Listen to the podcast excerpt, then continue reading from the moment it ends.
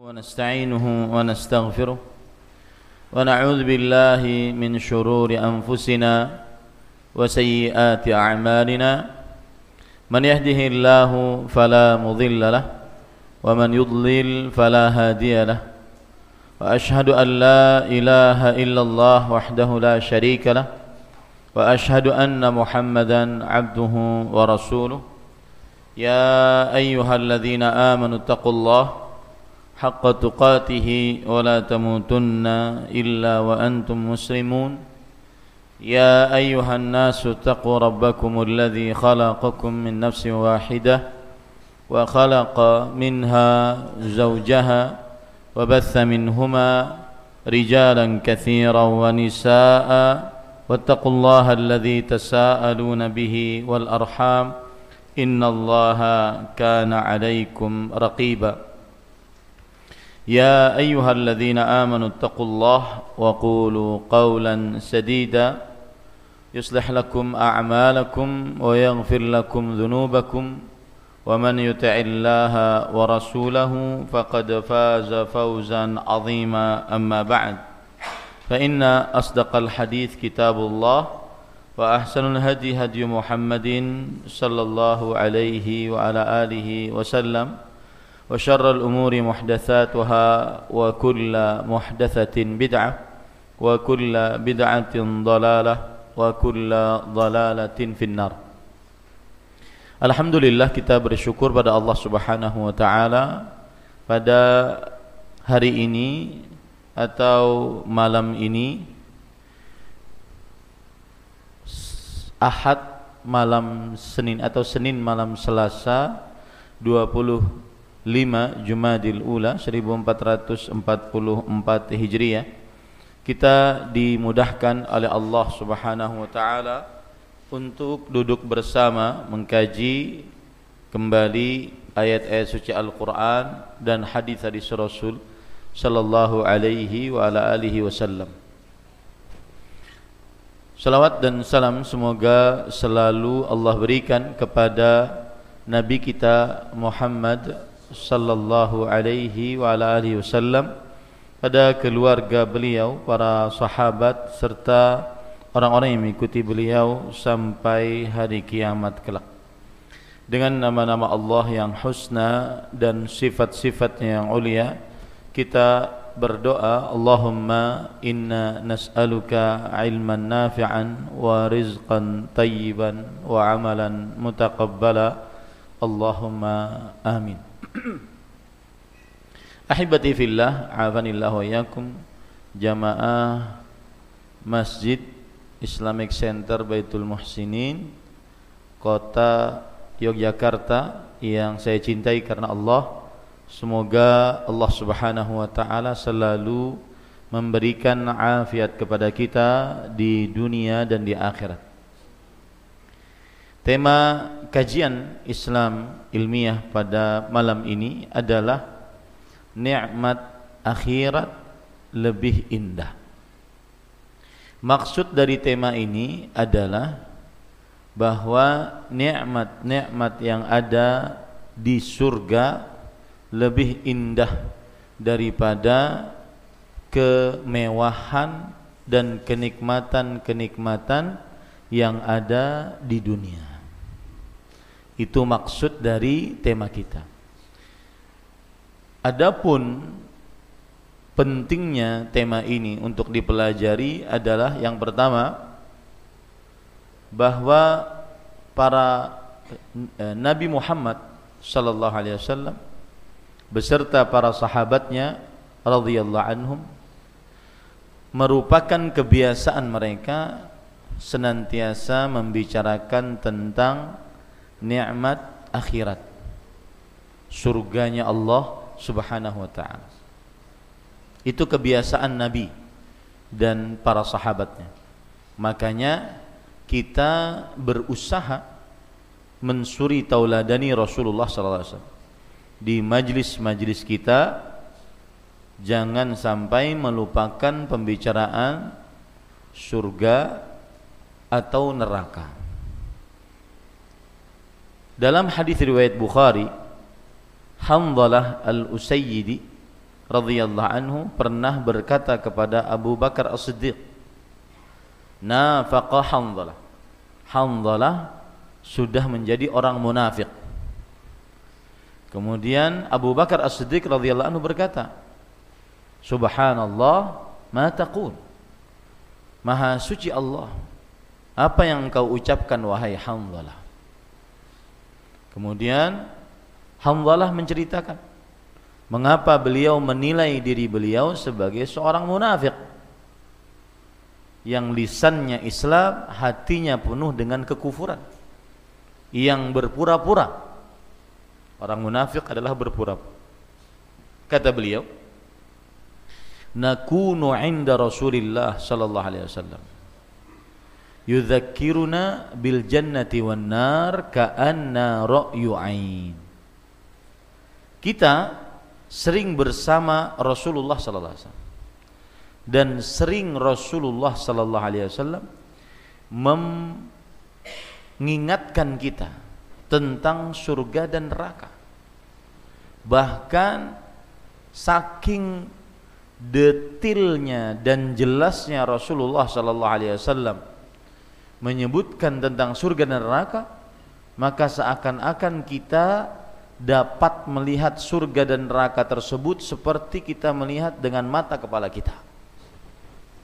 Ini dalil yang menunjukkan bahwa kebiasaan Nabi dan beserta para sahabatnya selalu berbincang-bincang tentang surga dan neraka.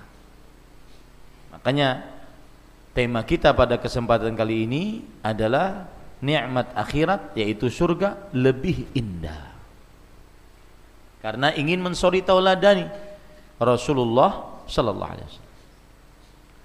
Cerita yang kedua, Uthman bin Affan dalam hadis riwayat Muslim radhiyallahu anhu, manusia ketiga terbaik setelah para nabi, para rasul, kemudian Abu Bakar, Umar, kemudian Uthman bin Affan. Lama waqafa 'inda qabr baka hatta yabula lihyatuh.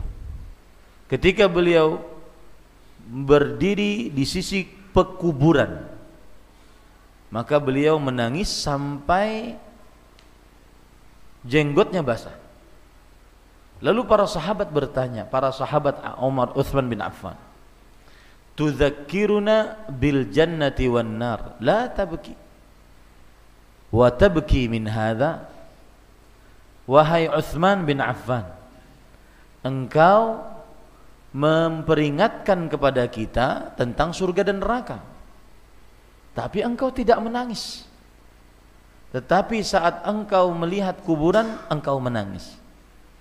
Dari cerita ini, riwayat ini kita ambil pelajaran. Kebiasaan Nabi beserta para sahabatnya menceritakan tentang surga dan neraka. Ini sisi pentingnya tema ini. Yang pertama. Yang kedua, Sisi pentingnya tema ini yang kedua adalah bahwa apabila seseorang lalai dari kewajiban, suka melanggar maksiat, maka salah satu obatnya adalah mengingat nikmat surga dan mengingat siksa neraka. Ini obat agar seseorang terlepas dari maksiat. Terlepas dari melalaikan kewajiban, melanggar larangan. Ingat surga, takut terhadap neraka. Dan ini banyak di dalam Al-Quran. Saya beri contoh misalkan ya. Allah berfirman dalam surat Ali Imran ayat 14.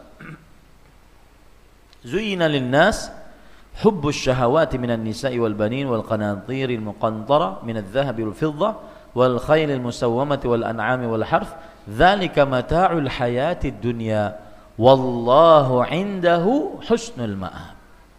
Yang artinya dijadikan indah pada pandangan manusia kecintaan kepada apa yang ia sukai cinta kepada perempuan, anak, harta yang banyak berasal dari emas dan perak, kuda-kuda pilihan, binatang-binatang ternak, sawah ladang, itulah kesenangan hidup dunia.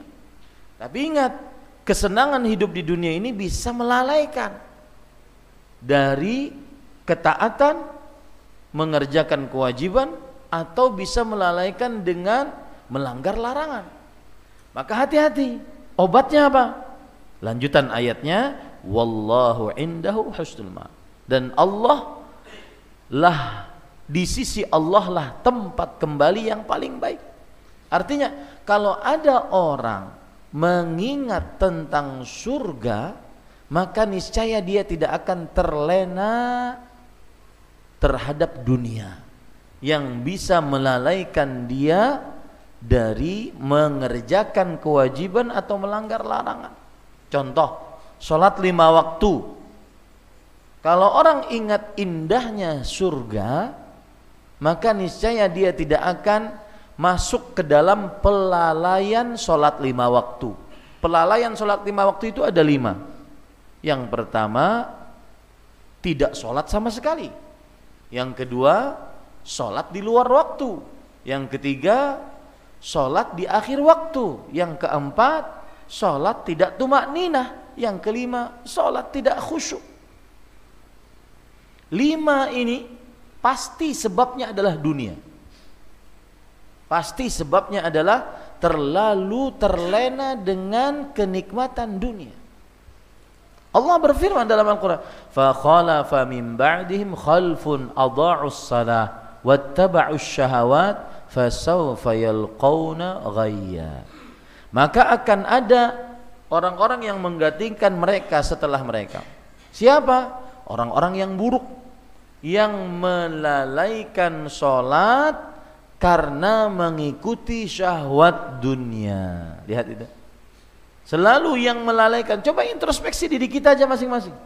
Saat kita lalai sholat saat kita Eh, terlambat berjamaah atau tidak sholat dalam keadaan berjamaah pasti sedang sibuk dunia.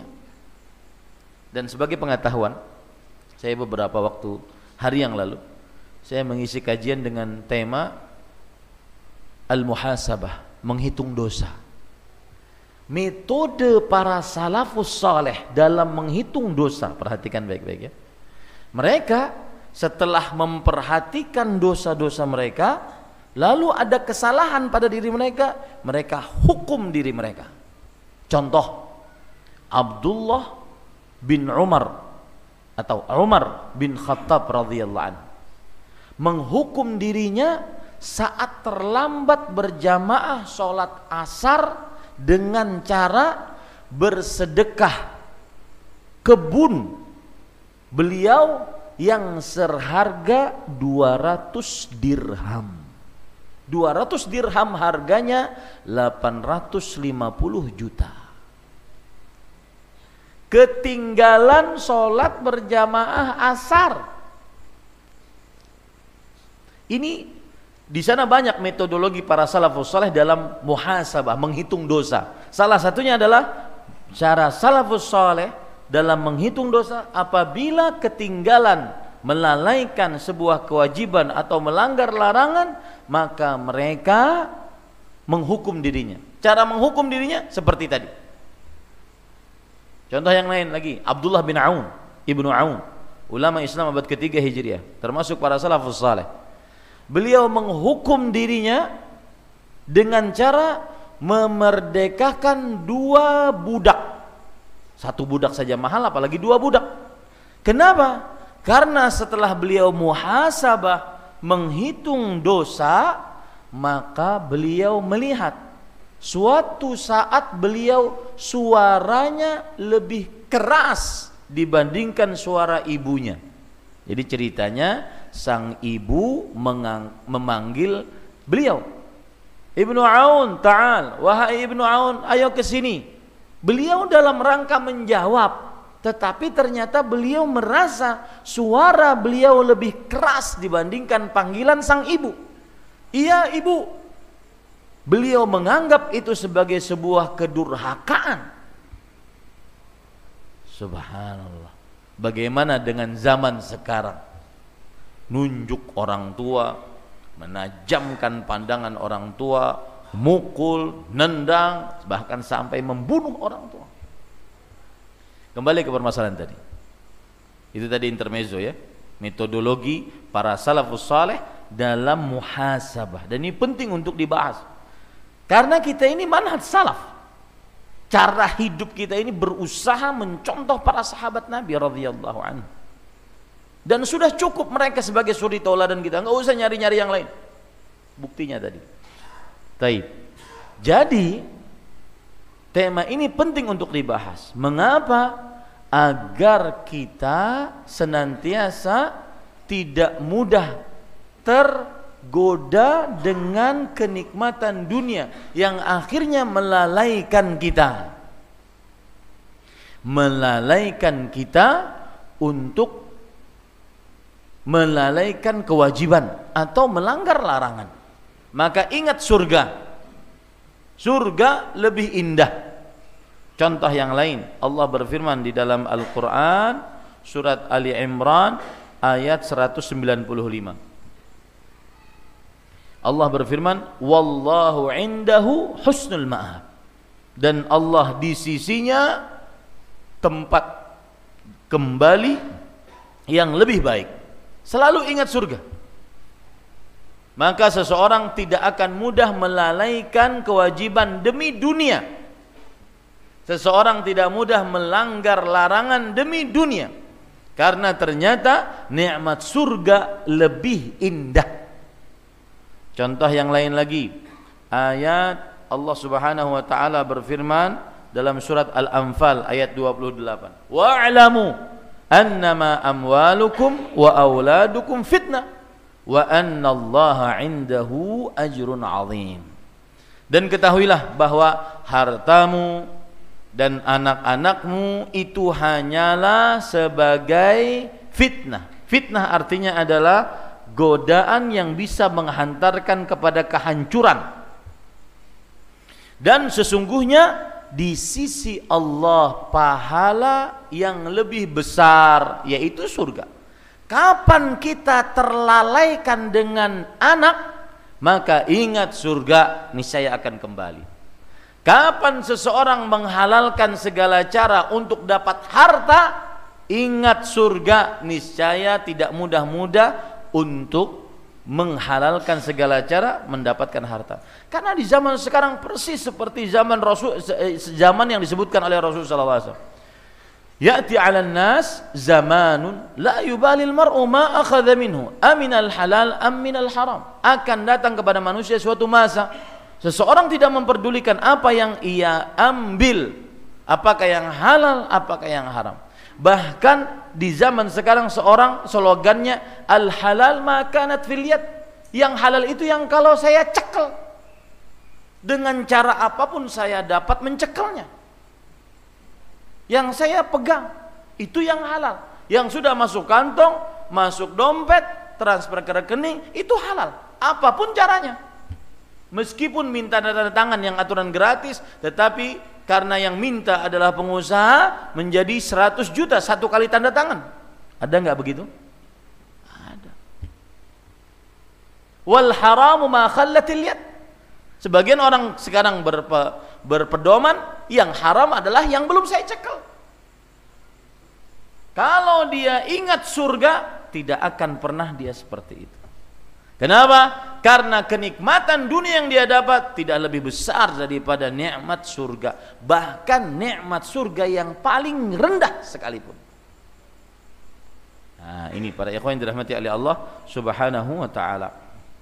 Dan yang seperti ini sangat banyak di dalam Al-Qur'an, ya, sangat banyak di dalam Al-Qur'an.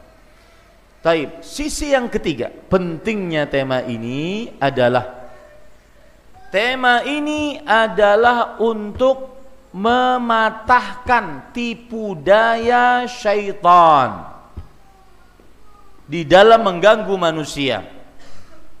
Syaitan itu memiliki tipu daya. Salah satu tipu dayanya adalah menghadang manusia dari depan, dari belakang, dari kanan, dari kiri.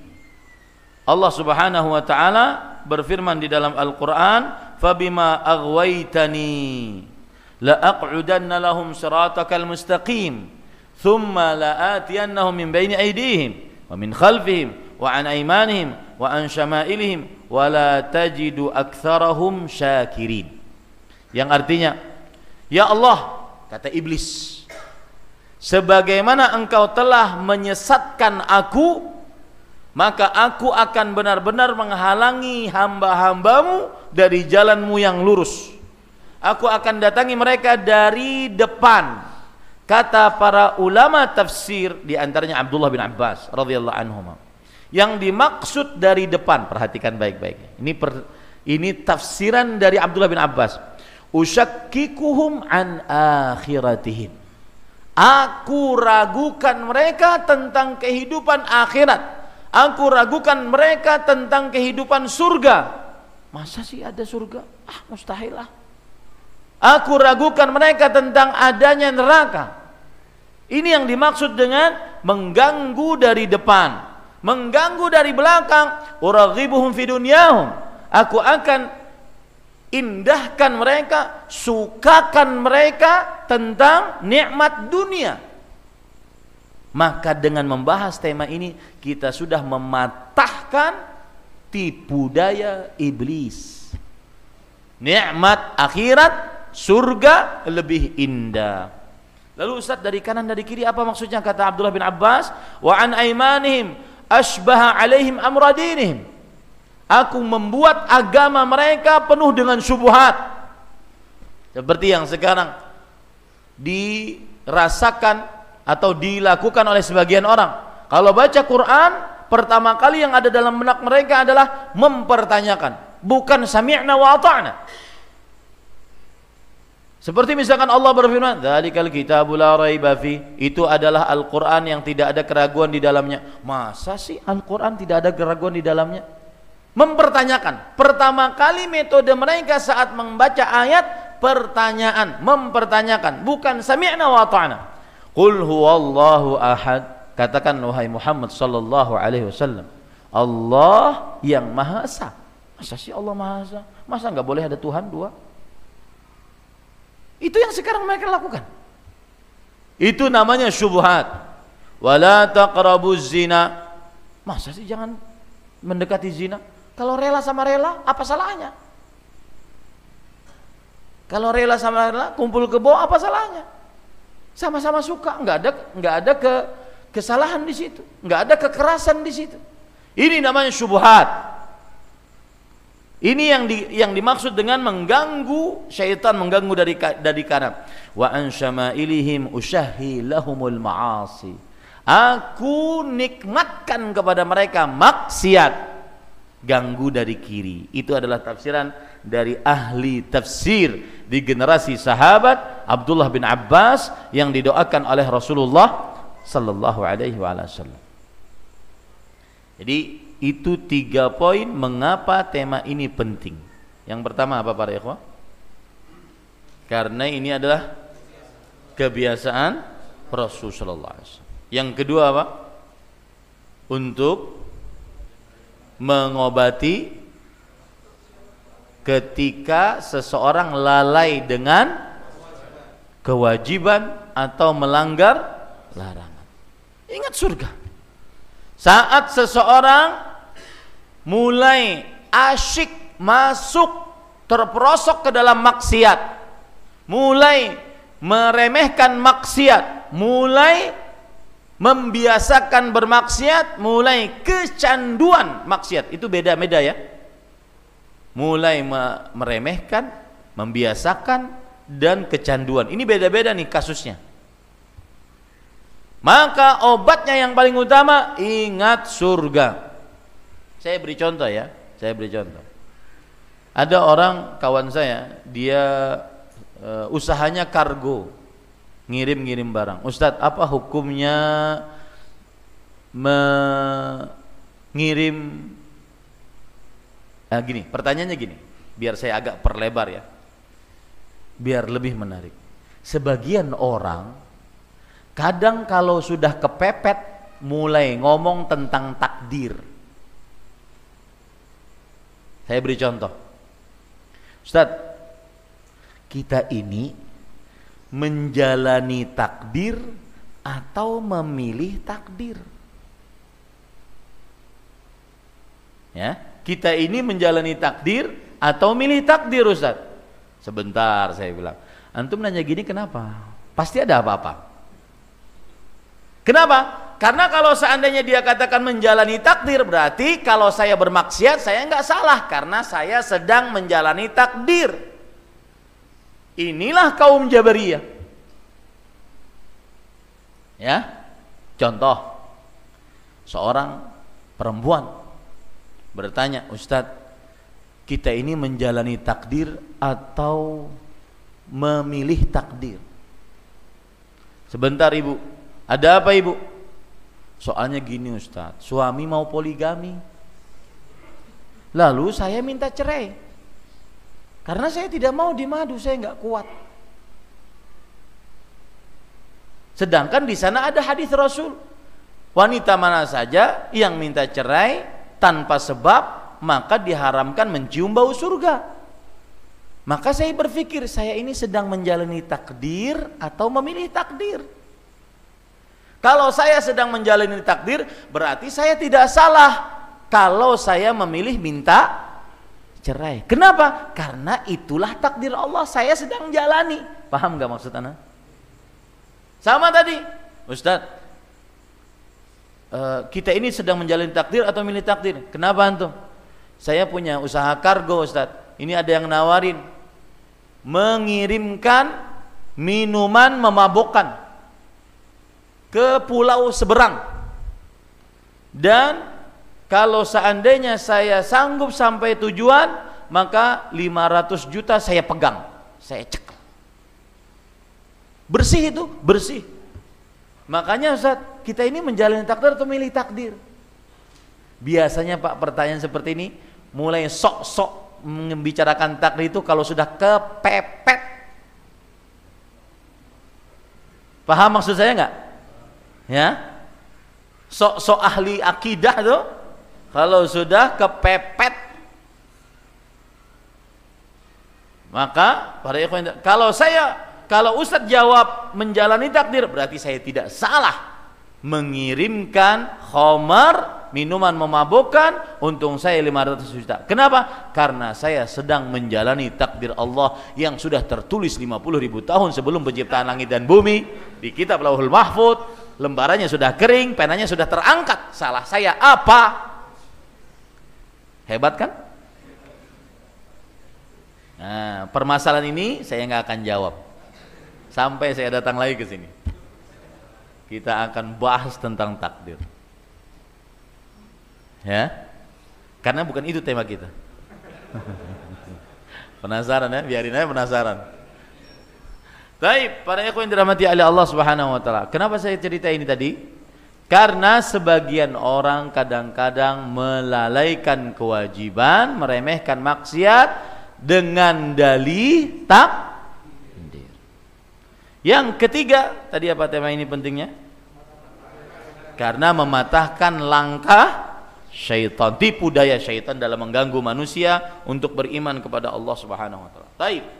Sekarang kita akan sebutkan permasalahan yang kedua yang penting dan ini belum tema kita ya jadi tema ini saya akan harus membuktikan kepada jamaah sekalian bahwa nikmat surga lebih indah daripada dunia. Padahal saya dan antum belum pernah masuk surga. Ini kan sulit.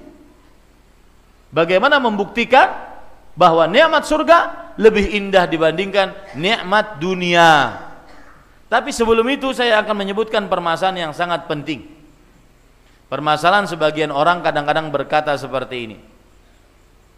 Yaitu la na'budullaha khaufan min narih wala tama'an fi jannati bal na'buduhu hubban lah.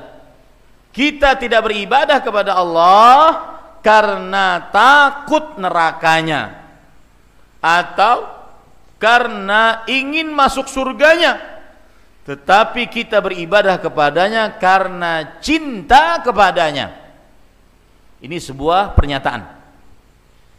Atau ada juga yang mengatakan Man 'abada Allah khaufan min nari fahiya ibadatul 'abid. Wa man 'abadahu tama'an fi jannati fahiya ibadatut tujjar. Wa za'amu anna al-'abida huwa man 'abadahu hubban lahu ta'ala. Siapa yang beribadah kepada Allah maka berarti afan saya ulangi. Siapa yang beribadah kepada Allah karena takut kepada neraka kenapa kamu sholat? Agar tidak masuk neraka. Kenapa menjauhi zina? Agar tidak dihukum disiksa di neraka maka mereka mengatakan pernyataan ini adalah ibadah model orang yang beribadah kepada makhluk yaitu neraka ada yang menyatakan seperti itu Siapa yang beribadah karena ingin masuk surga, maka ini ibadahnya para pedagang. Saya mau sholat, asalkan dapat pahala. Saya mau puasa, asalkan dapat pahala. Saya mau sedekah, mana gantiannya? Ini kata mereka ibadahnya para pedagang. Tapi yang benar adalah beribadah kepada Allah karena hanya rasa cinta kepada Allah Subhanahu wa taala. Dua pernyataan ini adalah pernyataan yang menyimpang dan kita akan kupas masalah ini dulu. Menyimpangnya dari mana? Perhatikan para ikhwan yang dirahmati oleh Allah Subhanahu wa taala. Ketahui baik-baik pernyataan inilah pernyataan yang keliru, menyimpang, menyelisihi syariat yang suci. Dari beberapa sisi ada tujuh sisi kesalahannya. Pertama sebelumnya saya ingin tahu benar nggak ada pernyataan seperti ini? Ya. Bahkan mereka meremehkan kalau beribadah ingin surga takut neraka itu ibadahnya orang syariat kalau ibadah ingin surga takut, sedangkan ibadahnya orang hakikat ma'rifat maka ibadahnya adalah karena cinta kepada Allah Subhanahu wa taala. Apa pun pernyataannya, kita jawab satu-satu. Satu, para ikhwan dirahmati oleh Allah Subhanahu wa taala bahwa antara rasa cinta jadi begini para ikhwan ibadah itu memang rukunnya tiga saya sholat maghrib tadi karena ada tiga rasa di dalam diri saya. Pertama, saya mencintai Allah, makanya saya sholat. Yang kedua, karena saya berharap pahala dari Allah, makanya saya sholat. Yang ketiga, karena saya takut siksa Allah, karena tidak sholat, makanya saya sholat. Ini adalah rukun ibadah kepada Allah Subhanahu wa taala. Dan Allah Subhanahu wa taala sebutkan rukun itu di dalam Al-Qur'an. Yaitu Allah Subhanahu wa taala berfirman, wa rahaba wa kanu lana khashi'in yang artinya dan mereka para nabi alaihi wassalatu wassalam berdoa kepada Allah raghaban penuh rasa cinta. Wa rahaba penuh rasa takut. Wa kanu lana khashi'in dan mereka khusyuk kepada Allah Subhanahu wa taala. Itu ayat yang menunjukkan rukun ibadah ini. Bahwa orang kalau beribadah harus ada tiga rukun ini. Maka jawaban atas pernyataan-pernyataan tadi adalah tidak ada pertentangan antara rasa cinta, rasa takut, rasa harap. Gak ada pertentangan. Kenapa? Karena orang yang takut kepada Allah Subhanahu wa taala dan orang yang berharap kepada Allah saat beribadah maka ini adalah orang yang cinta kepada Allah. Saya sholat, saya ingin surga, takut neraka. Bukan berarti saya tidak cinta kepada Allah. Tiga-tiganya ada di dalam diri. Paham maksud saya? Begitu jawabannya. Jadi jawabannya yang pertama atas pernyataan-pernyataan yang menyimpang tadi kita tidak boleh mengatakan pernyataan menyesatkan ya karena itu masuk undang-undang UITE. Tapi pernyataan-pernyataan yang keliru menyimpang, nggak boleh mengatakan sesat. Ya Ustaz mengatakan sesat itu. ya. Jawabannya adalah bahwa tidak ada pertentangan. Orang kalau beribadah ingin surga, beribadah takut neraka bukan berarti terlepas darinya rasa cinta. Tetapi tetap tiga rasa itu ada di dalam diri kita. Kenapa kita mau sholat subuh, bangun dari tidur kita? Karena cinta kepada Allah. Karena berharap pahala dari Allah, takut siksa Allah Subhanahu wa taala. Itu jawaban pertama. Jawaban yang kedua, para ikhwan yang dirahmati oleh Allah Subhanahu wa taala. Ahlu sunnah wal jamaah berpendapat bahwa ibadah tidak sempurna kecuali dengan menyempurnakan tiga poin. Yang pertama, rasa cinta dia bagaikan kepala pada seekor burung. Yang kedua, rasa harap dia bagaikan sayap kanan.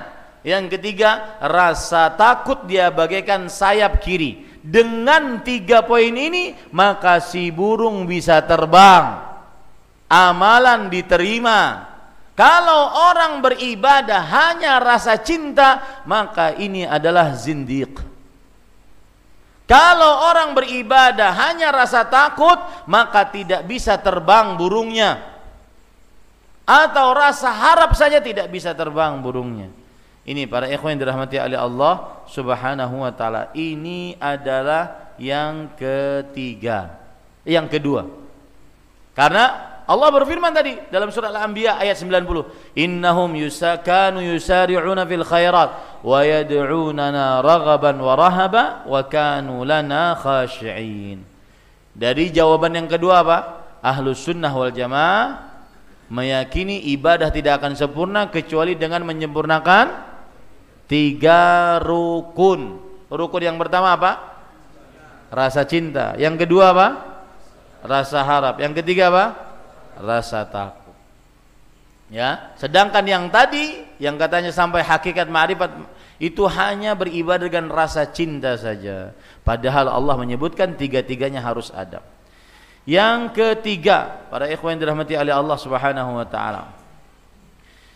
Ibadahnya para nabi, ibadahnya para ulama, ibadahnya para ahli takwa mengumpulkan antara tiga rasa ini rasa cinta, rasa harap dan rasa takut siapa yang beribadah hanya karena salah satu dari tiga ini maka dia adalah ahli bid'ah. Bahkan bisa sampai kepada derajat kekufuran.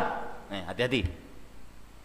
Yang ibadahnya hanya memakai salah satu dari tiga ini salah satu dari tiga ini maka dia ahli bidah bahkan bisa sampai kepada derajat kekufuran.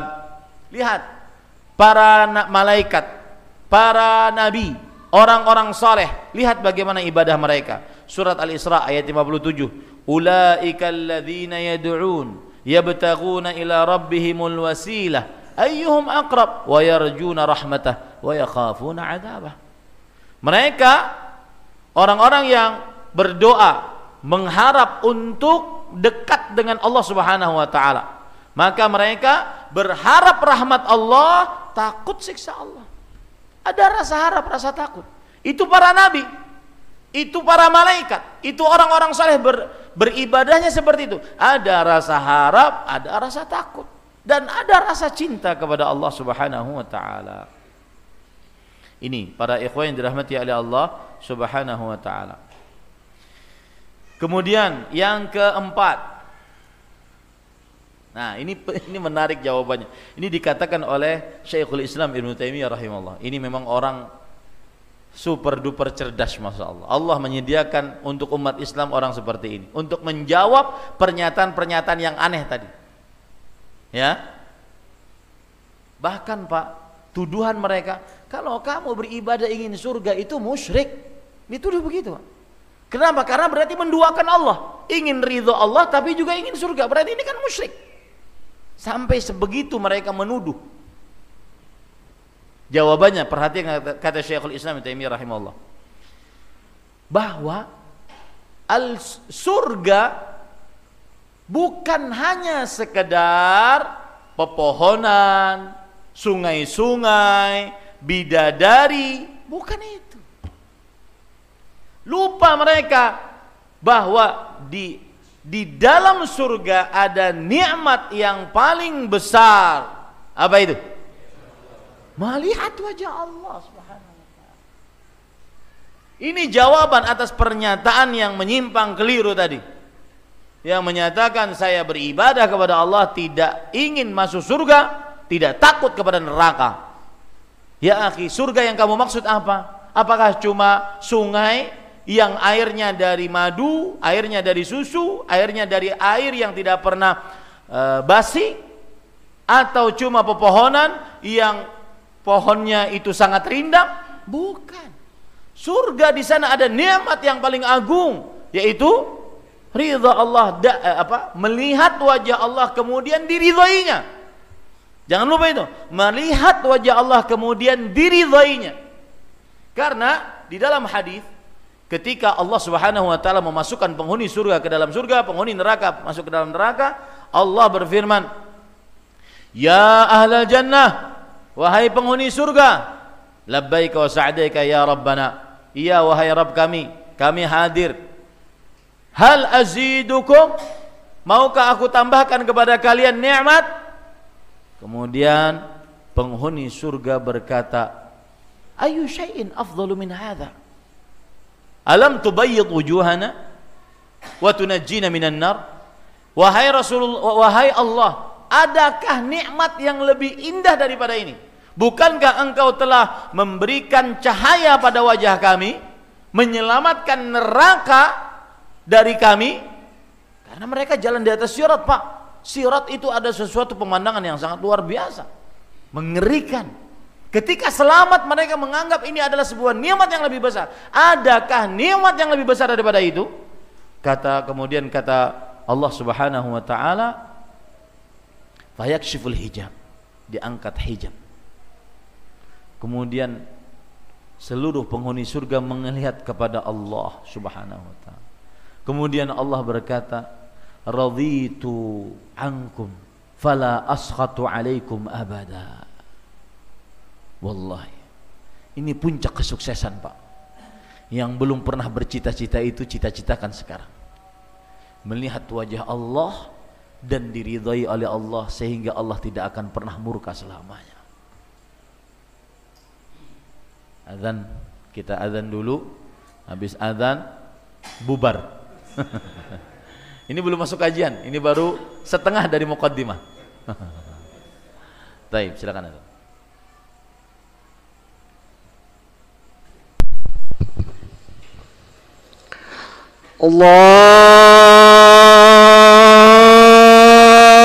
الله أكبر الله أكبر.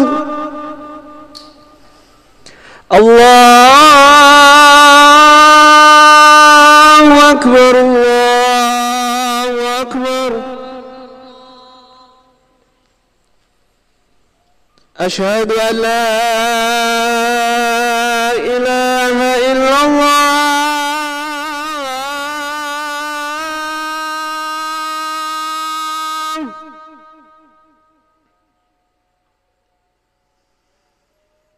أشهد أن لا إله إلا الله.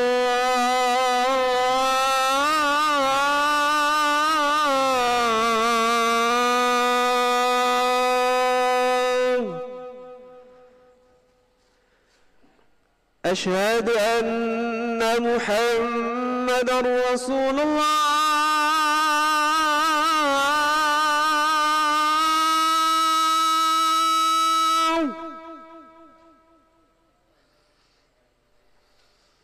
أشهد أن محمد رسول الله.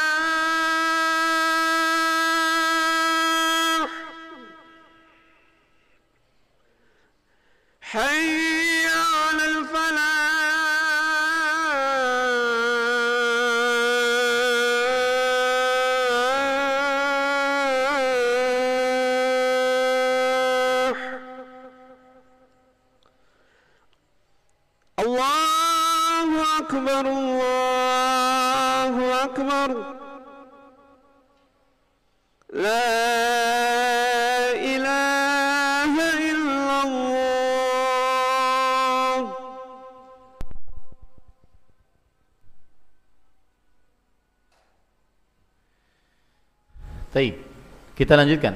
Tadi jawaban yang keberapa para ikhwah? Yang keempat. Apa inti jawabannya? Mereka mengira bahwasanya surga hanya hanya pepohonan, sungai, kemudian bidadari. Lupa bahwa nikmat yang paling besar di surga adalah melihat wajah Allah dan diridhai oleh Allah Subhanahu wa taala. Coba bayangkan antum ada hadis yang berbunyi begini. Fawallahi ma a'tahumullahu syai'an ahabba ilaihim minan nadhari ila wajhi. Maka demi Allah Allah tidak pernah memberikan kepada penghuni surga nikmat apa pun yang lebih mereka cintai dibandingkan melihat wajah Allah Subhanahu wa taala. Masa mereka nggak mau masuk surga? Begitu loh cara berpikirnya. Lihat lagi hadis Rasul sallallahu alaihi wasallam. Annahu subhanahu Allah Subhanahu wa taala idza tajalla lahum wa ra'a wajhahu ayanan. Jika Allah Subhanahu wa taala memperlihatkan dirinya kepada para penghuni surga dan penghuni surga melihat wajah Allah dengan mata kepala mereka secara langsung apa yang terjadi? Nasau ma fihi minan naim. Penghuni surga lupa. Semua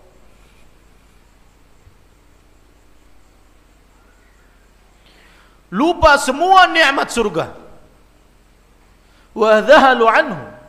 Mereka lupa lalai terhadap semua yang mereka rasakan dari nikmat surga tersebut. Walam yaltafitu ilaih mereka tidak peduli lagi. Yang mereka pedulikan adalah melihat wajah Allah Subhanahu wa taala secara langsung. Dan saya berpesan para ikhwah rindukan untuk bertemu dengan Allah Subhanahu wa taala niscaya kematian apa pun yang akan kita hadapi tidak akan pernah kita takuti. Berjalan ke mana pun kita akan lebih tenang. Karena kita setelah mati rindu ingin bertemu dengan Allah Subhanahu wa taala. Dan itulah yang namanya memakmurkan kehidupan setelah kematian. Rindu ingin bertemu dengan Allah Subhanahu wa taala. Kemudian kata Syekhul Islam Ibnu Taimiyah rahimahullahu taala beliau juga mengatakan bahwa saya sebagian orang yang mengatakan kami beribadah tidak takut kepada neraka. Mereka mengira bahwasanya neraka itu cuma api minuman berupa air panas kemudian berupa nanah-nanah pohon zakum bukan hanya itu. Tetapi kemurkaan Allah Subhanahu wa taala dan hijab dari melihat Allah Subhanahu wa taala. Ini jawaban yang keempat Jawaban yang kelima, para ikhwan yang dirahmati oleh Allah. Pernyataan ketika mengatakan saya beribadah kepada Allah Subhanahu wa taala, tidak ingin surga, tidak juga takut kepada neraka, ini sebenarnya adalah al-istighfaf bil jannati wan nar. Meremehkan surga dan neraka. Meremehkan surga dan neraka.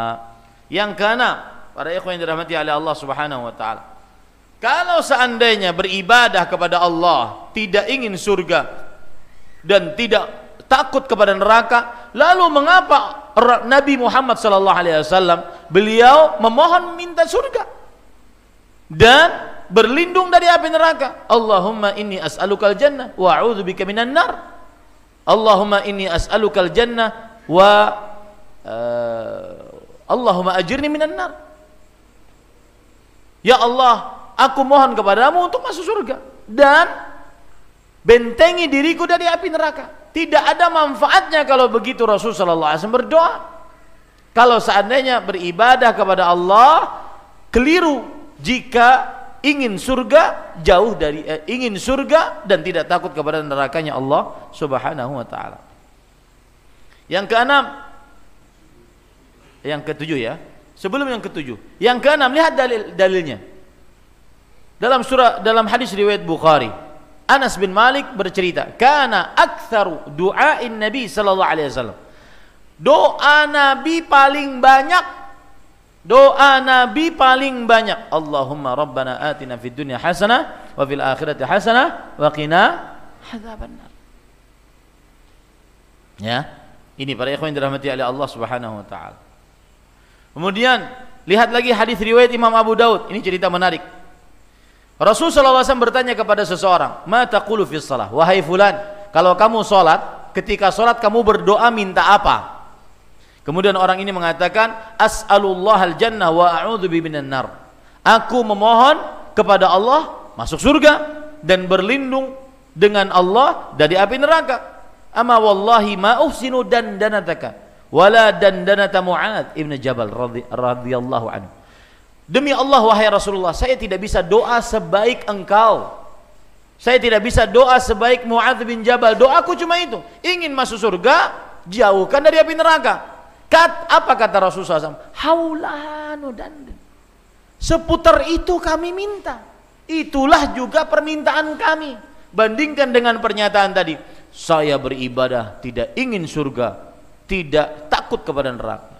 Sangat jauh dengan metode yang diajarkan oleh Rasulullah sallallahu alaihi wasallam. Yang ketujuh, yang terakhir, para ikhwan dirahmati oleh Allah Subhanahu wa taala, Ketahui baik-baik ini ini bahaya. Ini bahaya sekali. Bahwa beribadah kepada Allah kalau hanya dengan rasa cinta tanpa rasa takut, rasa harap, maka agamanya dalam bahaya. Dia adalah ahli bidah, sangat berbahaya bid'ahnya. Bahkan dalam sebuah keadaan bisa mengeluarkannya dari Islam Sebagian orang-orang zindik berkata, "Inna na'budullaha mahabbatan lah walau kana masirunal khuludu finnar." Lihat. Kami beribadah kepada Allah karena rasa cinta kepada Allah meskipun kami masuk surga, masuk neraka. Bodoh amat masuk neraka yang penting kami cinta kepada Allah. Mereka kan berkata seperti itu. Ya. Dan mereka meyakini bahwasanya dengan rasa cinta cukup mendapatkan ridho Allah Subhanahu wa taala. Ini ini bahayanya. Ini adalah hampir menyerupai keyakinan Yahudi dan Nasrani yang Allah sebutkan di dalam surat Al-Maidah ayat 18. Wa qalatil yahudu wan nasara nahnu wa. Yahudi dan Nasrani berkata, kami ini anak-anak pilihan Allah orang-orang tercinta Allah Subhanahu wa taala. Maka kata Allah, "Qul," katakan wahai Muhammad sallallahu alaihi wasallam, "Falima yu'adzibukum bidzunubikum?" Kalau kalian dicintai oleh Allah, mengapa kalian disiksa atas dosa kalian? Bal antum bashar mimman khalaq. Tetapi kalian manusia sebagaimana makhluk-makhluk yang diciptakan oleh Allah Subhanahu wa taala. Yaghfiru liman yasha wa yu'adzibu man yasha. Allah akan mengampuni siapa yang dikehendakinya, Allah akan memaafkan siapa yang dikehendaki, ya menyiksa siapa yang dikehendakinya. Wallahu walillahi mulkus samawati wal ard wa ma bainahuma wa ilaihil masir. Allah memiliki kerajaan langit dan bumi. Dan apa yang di antara keduanya? Dan hanya kepada Allah tempat kembali. Itu tujuh jawaban yang mencukupi insya Allah bagi subuhat yang mengatakan siapa yang beribadah kepada Allah ingin surga takut kepada neraka maka itu adalah ibadahnya orang musyrik. Siapa yang beribadah kepada Allah ingin surga jauh dari api neraka maka itu ibadahnya para pedagang siapa yang beribadah kepada Allah ingin surga jauh dari api takut kepada neraka itu ibadahnya ibadah kepada makhluk ya Jawabannya tujuh tadi. Coba kita ulangi sama-sama. Yang pertama apa? Hah? Yang pertama adalah bahwa rukun ibadah tidak ada pertentangan antara tiga rukun ibadah. Ya.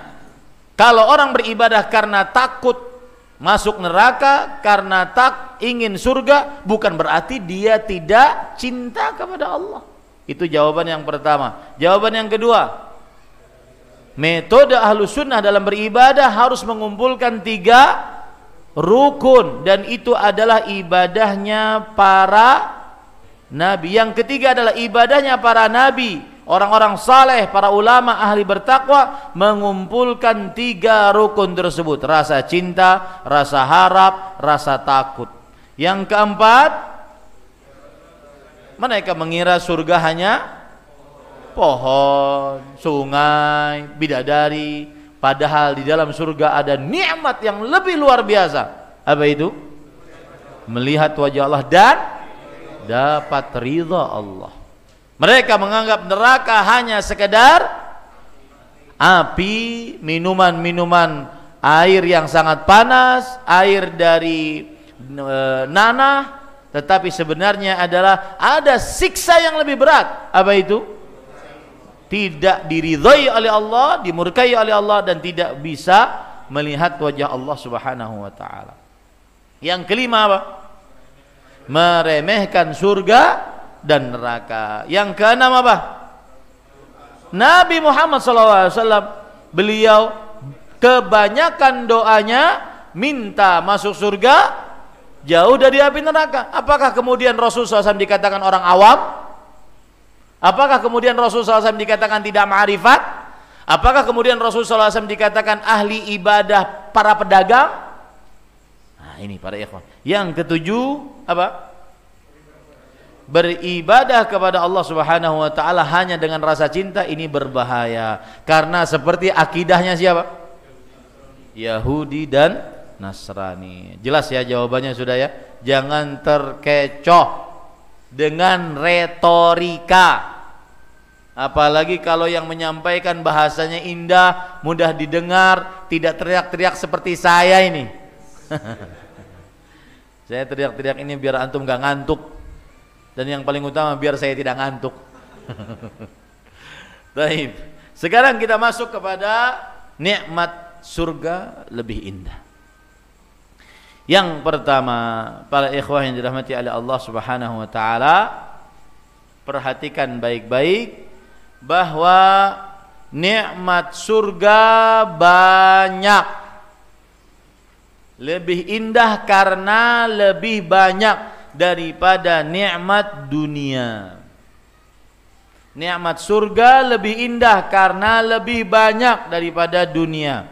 Allah berfirman dalam surat An-Nisa ayat 77, "Qul mata'ud dunya qalil wal akhiratu khairun limanittaqa." Katakanlah wahai Muhammad, mana salawat antum? Sallallahu alaihi wasallam katakanlah perhiasan dunia sedikit dan perhiasan akhirat lebih baik bagi siapa yang bertakwa kepada Allah Subhanahu wa taala. Begitu juga disebutkan oleh Allah dalam surah At-Taubah ayat 37.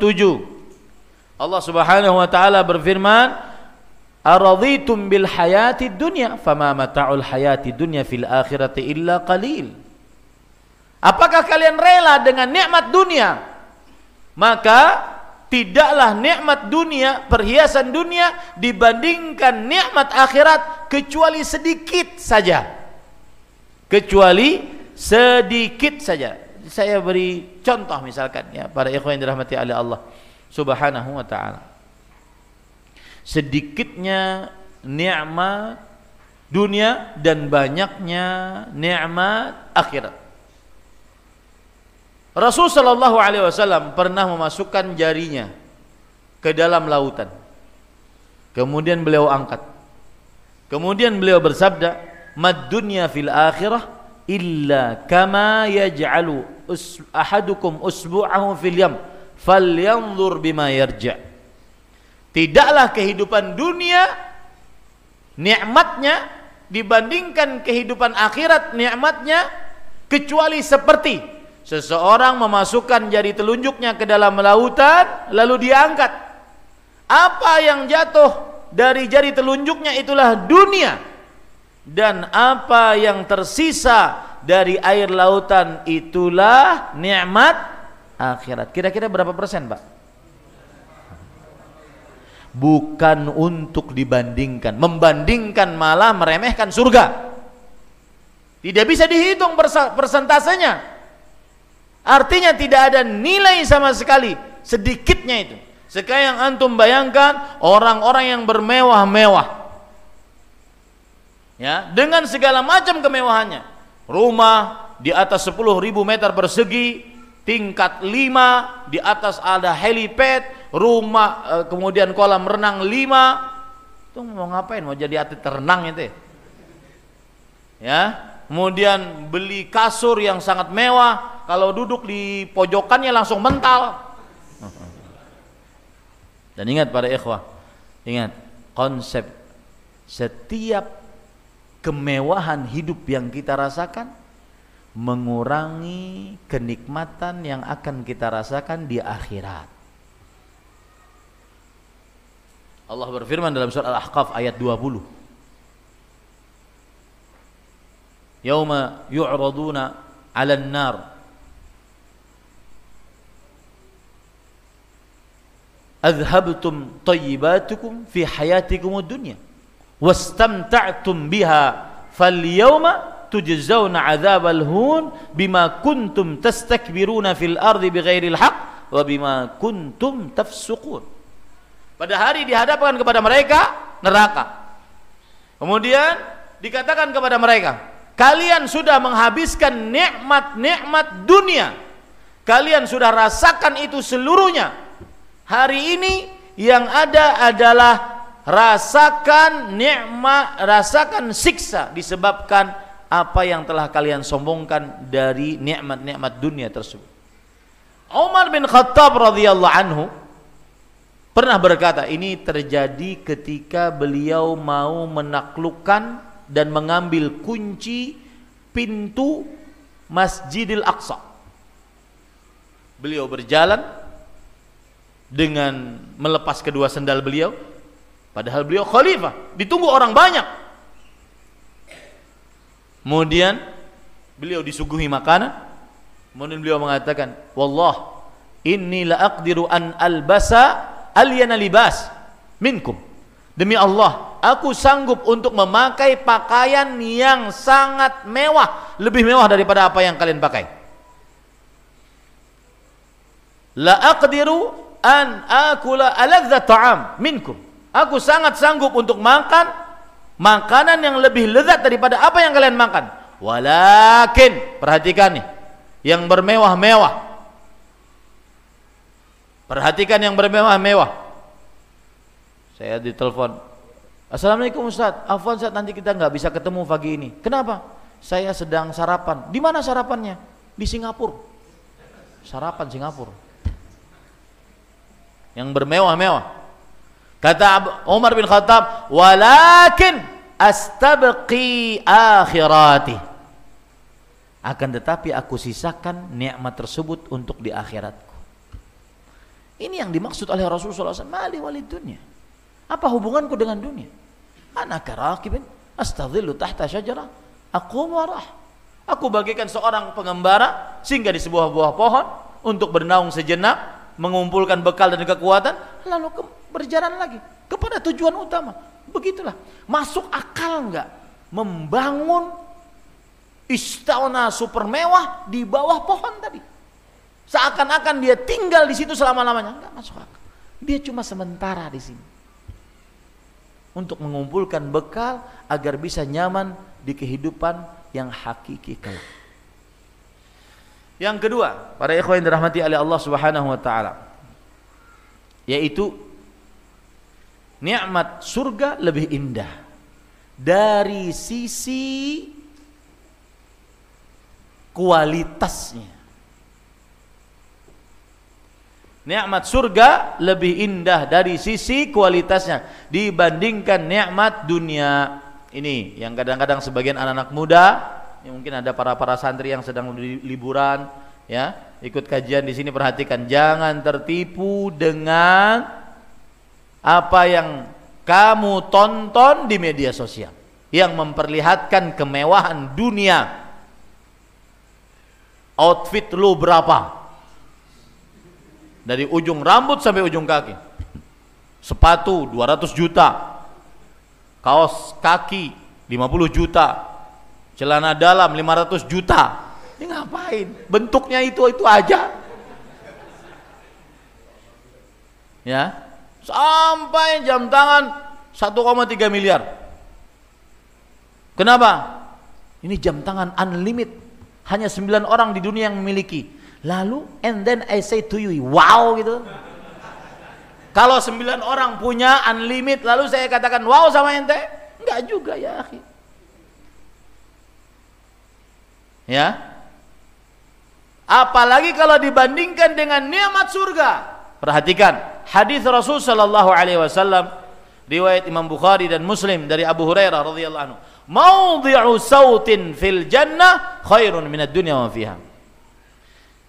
Tempat meletakkan cemeti, bukan cemetinya ya, bukan cambuknya, tempatnya di dalam surga lebih baik daripada dunia dan seisinya.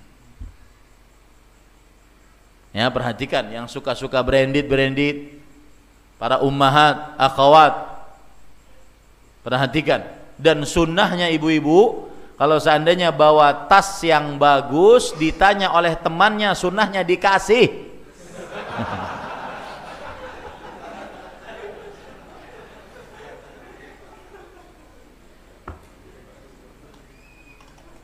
Afwan jeng, Afwan ukti, tasnya kok bagus itu sunahnya kasih itu yang terjadi pada Rasulullah Sallallahu Alaihi beliau pernah dapat surban surban baru sekali kalinya pertama kali beliau pakai khusus ditenun untuk beliau oleh seorang perempuan agar Rasulullah SAW bisa memakainya untuk menghadapi tamu-tamunya.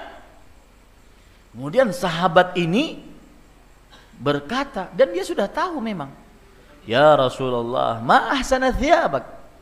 Wahai Rasulullah, surbanmu bagus. Rasulullah SAW langsung tersenyum, ambil. Sahabat yang lain marah, heh ente tahu itu satu-satunya, baru pertama kali. Kemudian Pak sahabat tersebut mempunyai hujah, kata dia, saya akan memakai surban tersebut sebagai kain kafan saya saat kelak saya mati. Dan cita-citanya tercapai. Beliau mati syahid dan kain kapannya adalah surban Rasulullah sallallahu alaihi wasallam. Maka sunnahnya kalau ada yang nanya, "Uh, tasnya bagus." Itu kasih. Itu sunnahnya. Hmm. Baik. Contoh yang lain, hadis riwayat Bukhari dan Muslim. Laqabu qausi ahadikum minal jannah khairun mimma tala'at alaihi syams. Qabu qaus itu adalah busur panah. Busur panah seseorang di surga lebih baik daripada seluruh dunia yang matahari terbit padanya. Ya, bandingkan sekarang yang pamer saldo ATM. Oh, apa sih? Mau beli mobil besar, mobil mewah, pamer. Apa sih? Lihat lagi. Ya. Hadis riwayat Bukhari dan Muslim juga. Dari Anas bin Malik radhiyallahu lau anna imra'atan min nisa'il jannah ittala'at ala ahli al-ard la adaa'at ma bainahuma wa la mala'at ma bainahuma rihan wa la nasifuha ala rasiha khairun minad dunya wa fiha. Jikalau ini perhatikan yang tergoda dengan perempuan-perempuan dunia dengan hubungan yang tidak halal. Dan saya katakan jenggotmu bukan jaminan kamu selamat dari godaan perempuan. Hah? Ngerti nggak? Ya, paham nggak? Jikalau seorang perempuan dari penghuni surga nongol di bumi. Maka bumi seluruhnya akan terisi cahaya terang akan terisi bau sangat wangi cuma nongol. Bandingkan dengan yang menghalalkan segala cara pacaran sampai perzinahan. Dan ironi sekali di zaman sekarang orang tidak perawan itu bangga. Hati-hati anak-anak perempuan Anda. Saya diberitahu oleh kawan-kawan yang juga anak-anak muda, Mereka mengatakan Ustadz ada istilah di tengah para anak muda, ada istilah real life dengan alter life. Real life adalah seorang kehidupan nyatanya mungkin di tengah kampungnya dia kalau keluar rumah pakai jilbab, dia kalau pergi pakai jilbab, tapi di dalam kamarnya mempunyai alternatif life. Apa itu? Dia jual buah dadanya, jual goyangan pantatnya demi dapat duit. Kan zaman medsos seperti itu sekarang. Hati-hati para ikhwan dirahmati oleh Allah yang tertipu dengan itu. Kemudian Rasulullah mengatakan, bando yang ada di atas kepala seorang wanita penghuni surga lebih baik daripada dunia dan seisinya. Bayangkan dengan yang cuma mendapatkan kenikmatan 5 menit 10 menit. Apalagi ternyata yang dirasakan dalam perzinahan tersebut wanitanya elek. Jelek. Bayangkan dengan ini para ikhwan dirahmati oleh Allah Subhanahu wa taala. Contoh yang lain lagi, para ikhwan dirahmati oleh Allah Subhanahu wa taala. Yang ketiga, ini sampai jam berapa kita ini? Mohon maaf yang mungkin uh, apa belum terbiasa diakhirkan Isya, tidak mengapa diakhirkan Isya secara hukum syar'i jikalau memang sudah disepakati oleh penghuni masjid. Bahkan Rasulullah SAW mengatakan innaha la waqtuha laula an asyqa ala ummat. Sesungguhnya itu waktu yang lebih utama yaitu Isya diakhirkan kalau seandainya tidak menyulitkan atas umatku. Karena ada sebagian yang protes. Ada yang DM ke saya kadang, Ustadz, kalau ceramah jangan lama-lama. Isya itu sudah selesai, pulang aja setelah itu. Ini ada yang DM seperti itu. ya. Jam 8 ya. Uh, no question ya, nggak ada pertanyaannya. Ya. Taib, pada yang dirahmati oleh Allah Subhanahu wa taala. Yang ketiga. Tadi apa yang kedua? jenisnya lebih eh, kualitasnya lebih istimewa lebih sempurna lebih istimewa ya coba antum bayangkan mana ada Miss Universe kalau nongol itu bercahaya kemudian menyebarkan bau wangi ada ya makanya dan saya berpesan Jangan main-main api cinta haram dengan perempuan. Jangan sok-sok nasihati, Assalamualaikum ukhti, sudah sholat belum? Jangan dijawab, kita bukan mahram. Ya, nggak ada itu. Ya, karena kita bukan Nabi Yusuf. Yang kuat hanya Nabi Yusuf. Dan saya dengar beberapa, ini kabar tersebar, beberapa orang yang sudah ngaji sunnah, bahkan pendakwah, terperosok ke dalam syahwat haram ini. Ya, hati-hati berduaan, bahkan bahkan istri orang. Hati-hati para ikhwan dirahmati oleh Allah Subhanahu. Yang ketiga, nikmat akhirat lebih indah yaitu dari sisi tidak ada kesulitan di surga dibandingkan di dunia. Enggak ada sulit di surga para ikhwah.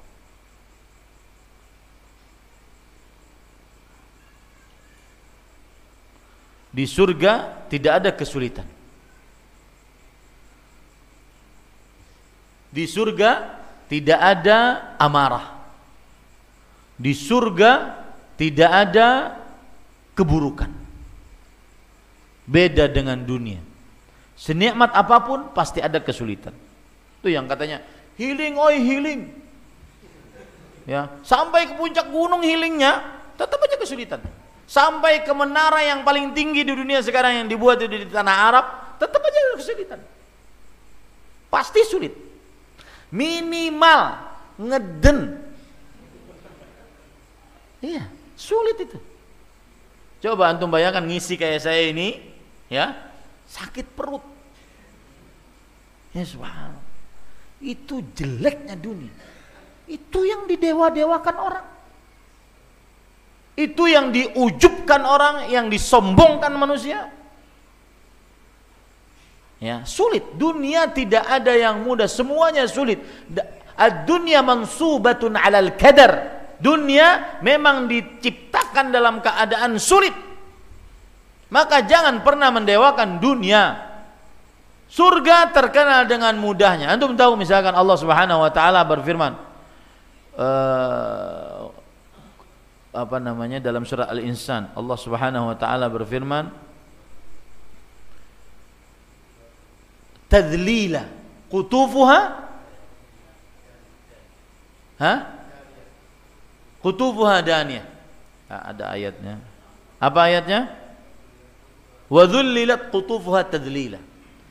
Dan direndahkan ranting-ranting pohonnya serendah-rendahnya lihat tafsiran Imam Nukathir rahimahullah. Bahwa tidak ada kesulitan bagi penghuni surga. Kalau penghuni surga berdiri, itu pohon ikut berdiri di sampingnya. Kalau penghuni surga duduk, itu pohon ikut duduk di sampingnya.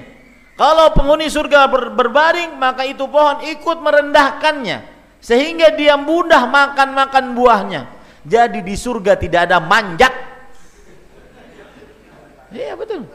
Coba antum bayangkan penjual es kelapa muda Maaf, asosiasi penjual es kelapa muda kami berhenti. Kalau ada kaum muslimin yang ingin makan es kelapa muda, silahkan manjat sendiri. Susah tak? Susah. Di, di surga nggak ada. Di surga tidak ada ngadan, di surga tidak ada buang hajat. Coba antum yang lagi safar, lagi safar, kebelet saya baru kemarin baru bahwa umroh jamaahnya semuanya orang tua. Ya, hampir setengah jam, setiap setengah jam, Ustaz, mau kencing Ustaz. Saya bilang, subhanallah, ini dunia memang ini. Ya. Harus menghinakan dunia. Harus di dalam hati ada, hina dunia itu hina, harus ada. Sehingga kita cinta surganya Allah Subhanahu wa taala. Belum lagi kalau berbicara tentang kesulitan dapat perempuan. Ada ustaz cerita kepada saya, ustaz.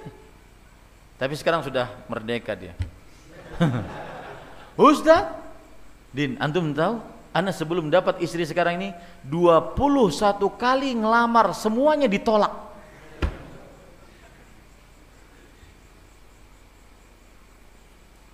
Harus usaha. Saya saja dapat sayangku, cintaku, manisku, rinduku itu harus melalui dua lautan. Usaha capek, Pak. Itu pun alhamdulillah satu-satunya perempuan yang mau sama saya. Capek. Di surga nggak ada itu kesedihan tidak ada, kesulitan nggak ada. Misalkan nih, ada perempuan pernah bertanya kepada Syekh, "Ya Syekh, Bolehkah saya berdoa kepada Allah? Ini, ini ceritanya di dalam video berbahasa Arab. Bolehkah saya berdoa kepada Allah? Ya Allah, masukkan saya dan suami yang saya paling cintai ke dalam surga. Tapi jangan kasih dia bidadari.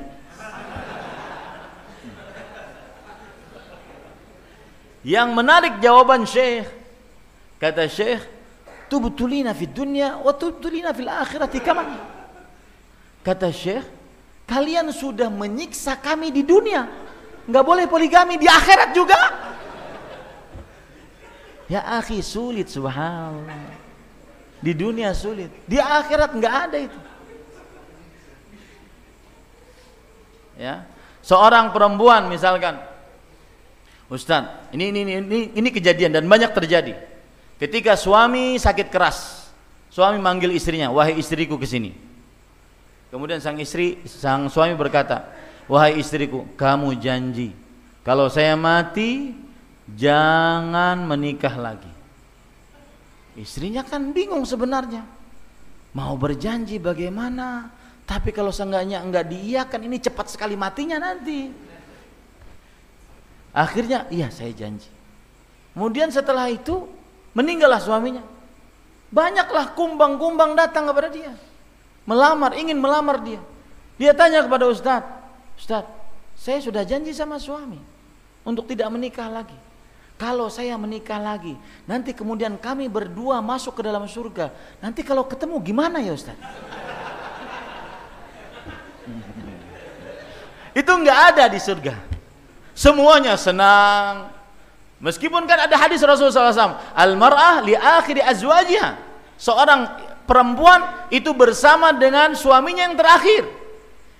Maka ketika mungkin dia menikah lagi untuk yang kedua, bertemu dengan suaminya, wah kamu ya, nggak sesuai janji ya, nggak ada itu di akhirat, nggak ada. Semuanya senang, la yasma'una fiha lagwan illa salama. Allah berfirman di dalam surat Maryam ayat 62. Di dalam surga tidak pernah mendengar kata-kata yang lalai-lalai. Semuanya salam. Jadi suami menggandeng istrinya tadi, kemudian suami yang sudah tadi mati duluan, assalamualaikum. Kata suami, assalamualaikum. Jadi nggak ada sedih, nggak ada kesulitan, semuanya enak. Itu yang ketiga. Yang keberapa? Yang ketiga. Yang keempat, para ikhwan yang dirahmati oleh Allah Subhanahu wa taala. Nikmat surga lebih indah karena lebih kekal, lebih abadi dibandingkan nikmat dunia. Sekuat apa pun pasti rusak. Itu saya sering sekali memperhatikan dunia. Katanya e, beli ini, ini kuat ini, ah rusak paling. Ya, paling rusak. Itulah dunia. Allah berfirman di dalam surat An-Nahl ayat 96, "Ma 'indakum yanfadu wa ma 'indallahi baq." Apa yang kalian miliki maka akan hancur dan apa yang ter, di sisi Allah itulah yang akan tersisa. Yang kelima, para ikhwan dirahmati oleh Allah Subhanahu wa taala, yang terakhir adalah